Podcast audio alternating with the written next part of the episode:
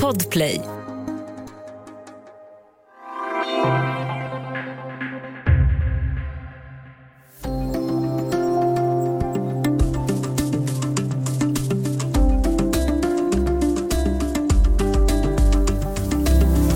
Patienter som väljer bort svenska läkare för att de har utländsk bakgrund. Mottagningar som instruerar i hur man går tillväga för att undvika att hamna hos läkare med utländsk bakgrund. Där är exempel på rasism inom vården som Dagens Nyheter kunde avslöja i somras. Hur tar sig diskrimineringen i uttryck och vad får det för konsekvenser? Välkommen till Studio DN med mig Ylke Holago.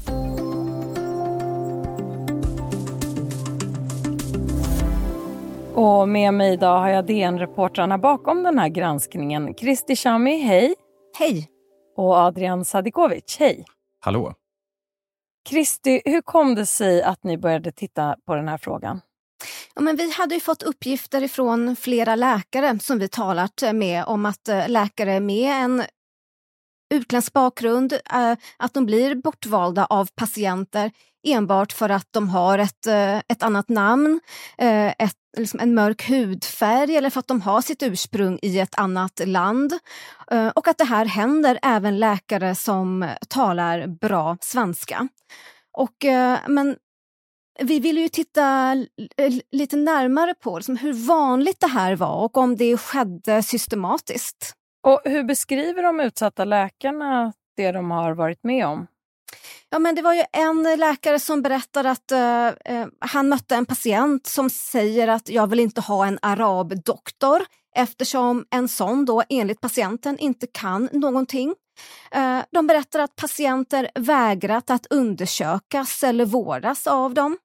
Uh, de berättade också då att en läkare säger att den läkaren bytte namn till något lite mer svenskt klingande.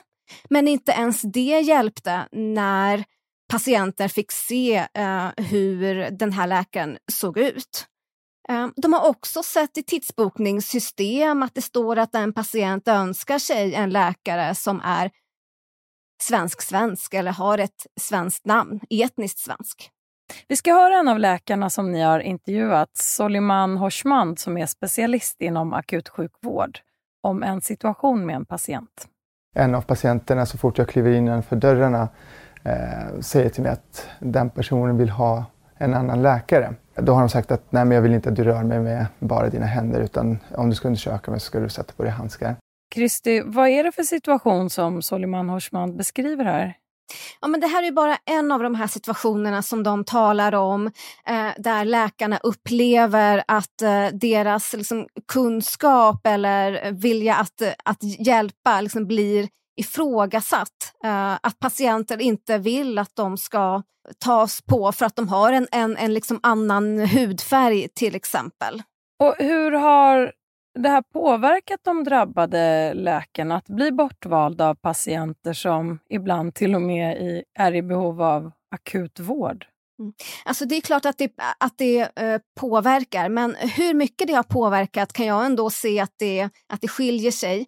Soliman sa att eh, han har hittat sätt att eh, hantera eh, det här på genom att säga att det här handlar inte om mig eller om min läkarkompetens utan det här är fördomsfulla patienter som inte vill få snabb eh, och god vård. En annan läkare som jag talar med eh, mådde jättedåligt psykiskt av det här och säger att men, jag kommer hem arg varje kväll efter jobbet och eh, funderar på att eh, söka jobb i ett helt annat land. Adrian, hur har arbetsplatserna i era exempel hanterat de här situationerna? Ja, men det finns exempel där läkare vittnar eh, om att ha blivit bortvalda på jobbet, till exempel på sjukhus eh, och eh, där patienterna vägrats, eh, vägrat bli eh, eh behandlad av eh, läkare med utländsk bakgrund och där patienten faktiskt till slut får eh, som den vill och flyttas till en annan del av akuten där det finns så kallad etniskt svensk vårdpersonal. Och eh, en av läkarna vittnar då eh, om hur han upplever det här som väldigt jobbigt och att eh, inte ens liksom arbetsplatsen kan stå upp för honom. Och om inte arbetsplatsen kan stå upp för honom, vem ska då göra det? Berättar han för oss. Vi ska alldeles strax prata mer om vilka metoder ni har använt som journalister för att undersöka rasismen i vården. Ni har bland annat jobbat under täckmantel och ringt anonyma samtal till vårdgivare. Men det här att det finns rasism i samhället, det är ju ingen nyhet. Vad blev ni mest förvånade över under arbetets gång, Adrian? Jag tror att eh, det, jag, det som slog mig var liksom hur eh, väldigt enkelt det många gånger var att få en etniskt svensk läkare. Det var liksom inte så ofta det höjdes på ögonbryn, det var väldigt enkelt. Eh, vi erbjöds att välja bland citat ljusa tandläkare. Vi fick också till och med instruktioner om hur vi ska gå tillväga för att i framtiden slippa vårdpersonal med utländsk bakgrund. Konkreta instruktioner i hur vi ska boka eller vem vi ska ringa till exempel. Så det var det som förvånade mig mest, hur enkelt det var och att det skedde ofta. Kristi, vad, vad förvånade dig mest? Jo, men det är nog ganska mycket det som vi nu sa. Um, det, jag möttes av förståelse väldigt ofta. Man fattade precis vad det var som eh, jag var ute efter, eller mitt alias då var, eh, var ute efter. Eh, det här med att eh, det blev så sylvast, eh, det var verkligen inga tvivel om att eh, vad det var som ehm, vi var ute efter. Det ni har kommit fram till i era granskningar, vad vet vi om hur mycket det går att koppla till rasism? Vi, vi, det vi kan koppla det till är de här enskilda läkarnas upplevelser och de upplever sig som eh, diskriminerade och utsatta för eh, allvarlig rasism. Eh, vi kan inte slå fast exakt vad det handlar om i alla fall när vi har ringt runt till de olika vårdgivarna i Sverige. Det skulle också kunna handla om att man i eh, samtliga fall när vi har ringt till vårdgivarna kanske inte riktigt är beredda på hur man ska svara på sådana här frågor. Trots att det då finns riktlinjer som säger att man ska agera när man får sådana frågor. Men det kanske liksom inte har sipprat ut helt till eh, de olika verksamheterna. Men samtidigt, när ni har ringt så har ju ni iklätt er rollen av en rasist och använt eh, väl, rasistiska attribut i ert sätt att prata och ställa krav. När ni har bett om, eh, när ni har utgått från etnicitet och inte kompetens till exempel i, mm. i den läkare ni har begärt. Mm. Eh, nej men så är det. Vi har ju begärt en etnisk svensk läkare och de svar vi har fått eh, talar ju lite för sig själva, de olika exemplen, när vi erbjuds liksom ljusa tandläkare och läkare och svenska namn och så. Så absolut. Och eh, vi har ju samtidigt, jag menar, vi tog emot ett samtal eh, där det var en person eh, som sa vi får inte diskriminera utifrån kön, etnicitet, ålder. Eh, men ändå går med på att låta oss göra just det, att välja en etnisk svensk läkare. Det säger en del tycker jag. Eh, och Det vi också ska vara tydliga med är att alla vårdgivare har ju inte gått med på de här kraven. Det har funnits tillfällen, även om de är mycket få, där vårdgivare eh, kraftigt tagit avstånd till sådana här önskemål och sagt att nej, så här gör vi inte och det här är inte okej. Okay. Eh, och eh, det finns också en rad eh, vårdgivare i landet som har sagt eh, att det här inte är något som går att göra. Eh, så alla har inte gått med på kraven, även om det är många som har gjort det. Och de som har sagt att vi går inte med på det här eh, har ju, vad vi har kunnat förstå i alla fall, har eh, utarbetat andra sätt att, eh, att boka upp patienter på efter att eh, så många patienter har kommit med liknande önskemål. Uh, så att man har liksom inrättat andra bokningssystem, att man till exempel går efter födelsedag uh, för att patienter inte ska kunna komma med såna här krav. Vi ska ta en kort paus och sen prata mer om DNs granskning om läkare som utsätts för rasism.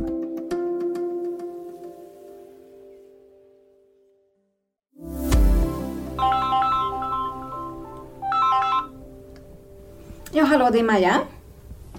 Jo men hej, jag ringer från Fortavårdens centrum. Då vet jag då att om, om jag listar mig hos er då, är jag liksom, då kan jag få en, uh, en etnisk svensk läkare.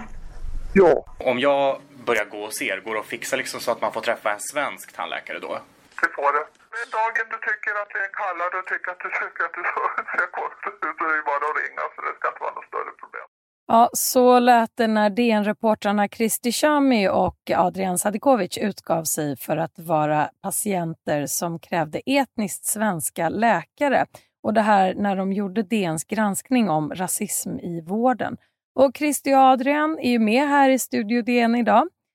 Varför bestämde ni er för att arbeta under täckmantel som vi hörde i det här klippet, här, eller wallraffa som det också kallas, genom att ringa anonymt? Adrian? Nej, men vi insåg ganska snabbt att eh, för att undersöka och få så sanna svar som möjligt så skulle vi behöva utge oss för att vara patienter själva. Att som journalist eh, utge sig för att vara någon annan, det är ju en arbetsmetod som man ska använda väldigt, väldigt restriktivt. Men i det här fallet bedömde vi att det här var en förutsättning för att verkligen förstå hur det var att eh, hur det kan gå till när, ja, men när patienter ringer svenska vårdgivare och hur de agerar. Och jag tror inte vi hade fått samma svar annars. Så det var därför vi gjorde så här. Och vilka vårdinstanser var det ni ringde? Vi ringde allt från, det var då vårdcentraler, offentliga, privata, det var tandläkarmottagningar, samma där, eh, över hela landet, i alla landets eh, regioner. Och Vilka andra metoder använder ni för att få fram det här resultatet, avslöjandena? Vi, eh, utöver då själva de här samtalen till vårdgivarna, så granskade vi också vilken dokumentation regionerna har kring detta, vilka egna riktlinjer och, eh, som de har satt upp eh, kring detta, men också prata med ett stort antal personer, ett stort antal eh, läkare eh, vårdanställda om eh, vad de har varit med om och vad de vittnar om. Eh, så ni hade alltså läkarnas eh, vittnesmål och sen så gjorde ni era egna rundringningar anonymt där ni begärde att få, som patienter krävde ni att få eh, etnisk, så kallat etnisk svenska eller ljusa läkare. Vad kom ni fram till? Nej, men det, vi, det vi kunde se då väldigt snabbt var att det här var inte särskilt svårt att få igenom. Eh, trots då att många regioner har riktlinjer. Jag tror det är ungefär, om jag minns rätt, hälften av Sveriges regioner som har riktlinjer som uttryckligen säger att det här inte får ske. Eh, och trots det så var det eh, enkelt att eh, få en etnisk svensk läkare eller tandläkare på väldigt många platser i Sverige och eh, där vi erbjöds eh, ljusa eller liksom med svenska namn och vi fick väldigt ofta eh, en rad eh, namn på de anställda där vi kunde välja eh, svenska namn då. Och på vilket sätt är det här ett problem?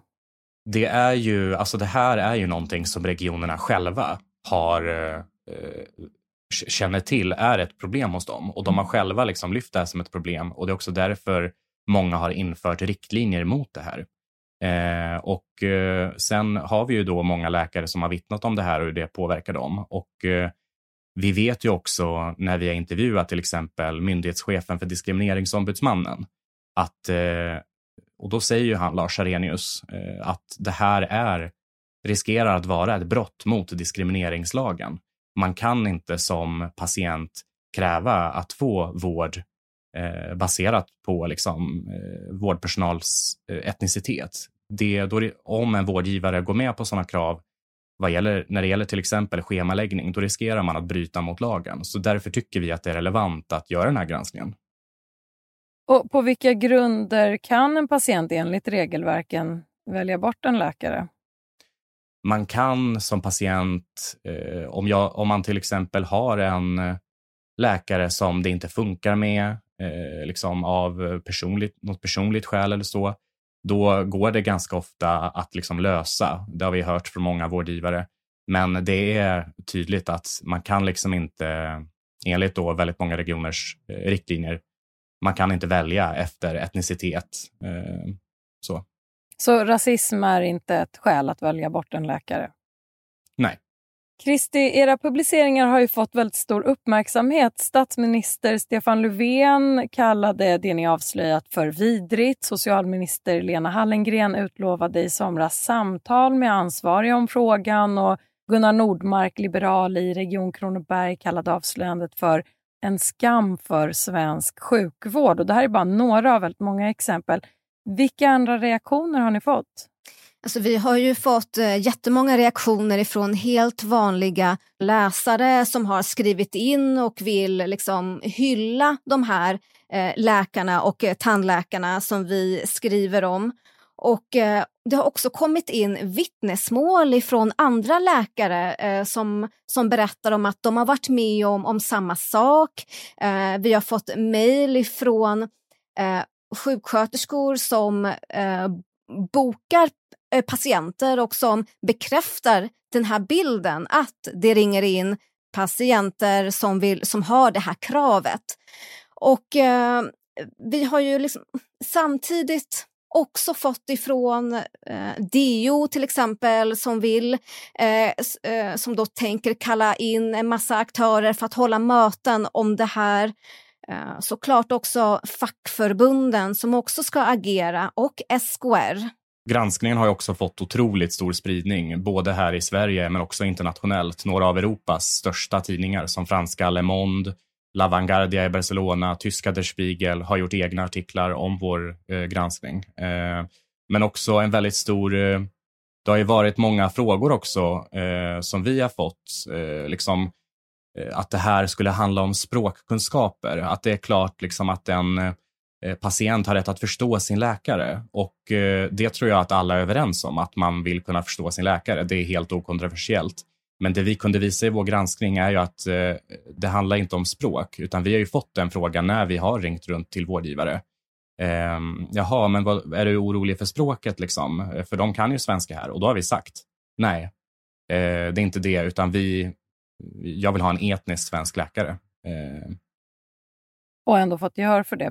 Och fått eh, gehör för det.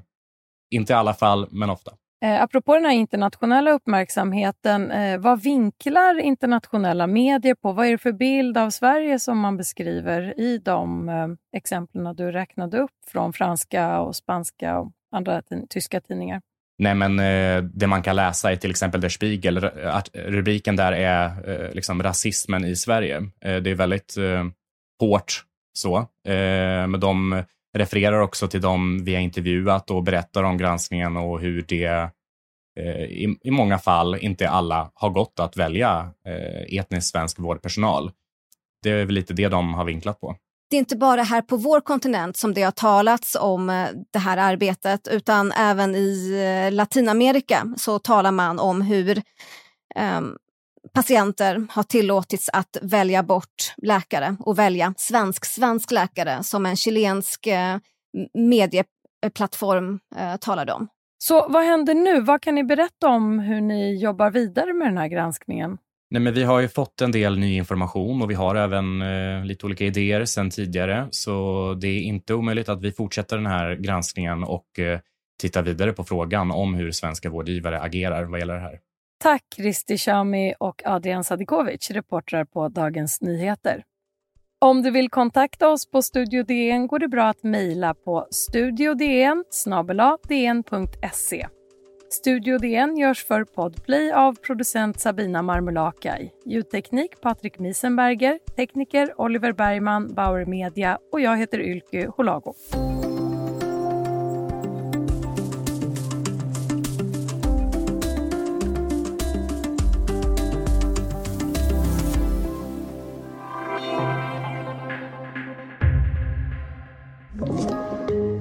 Podplay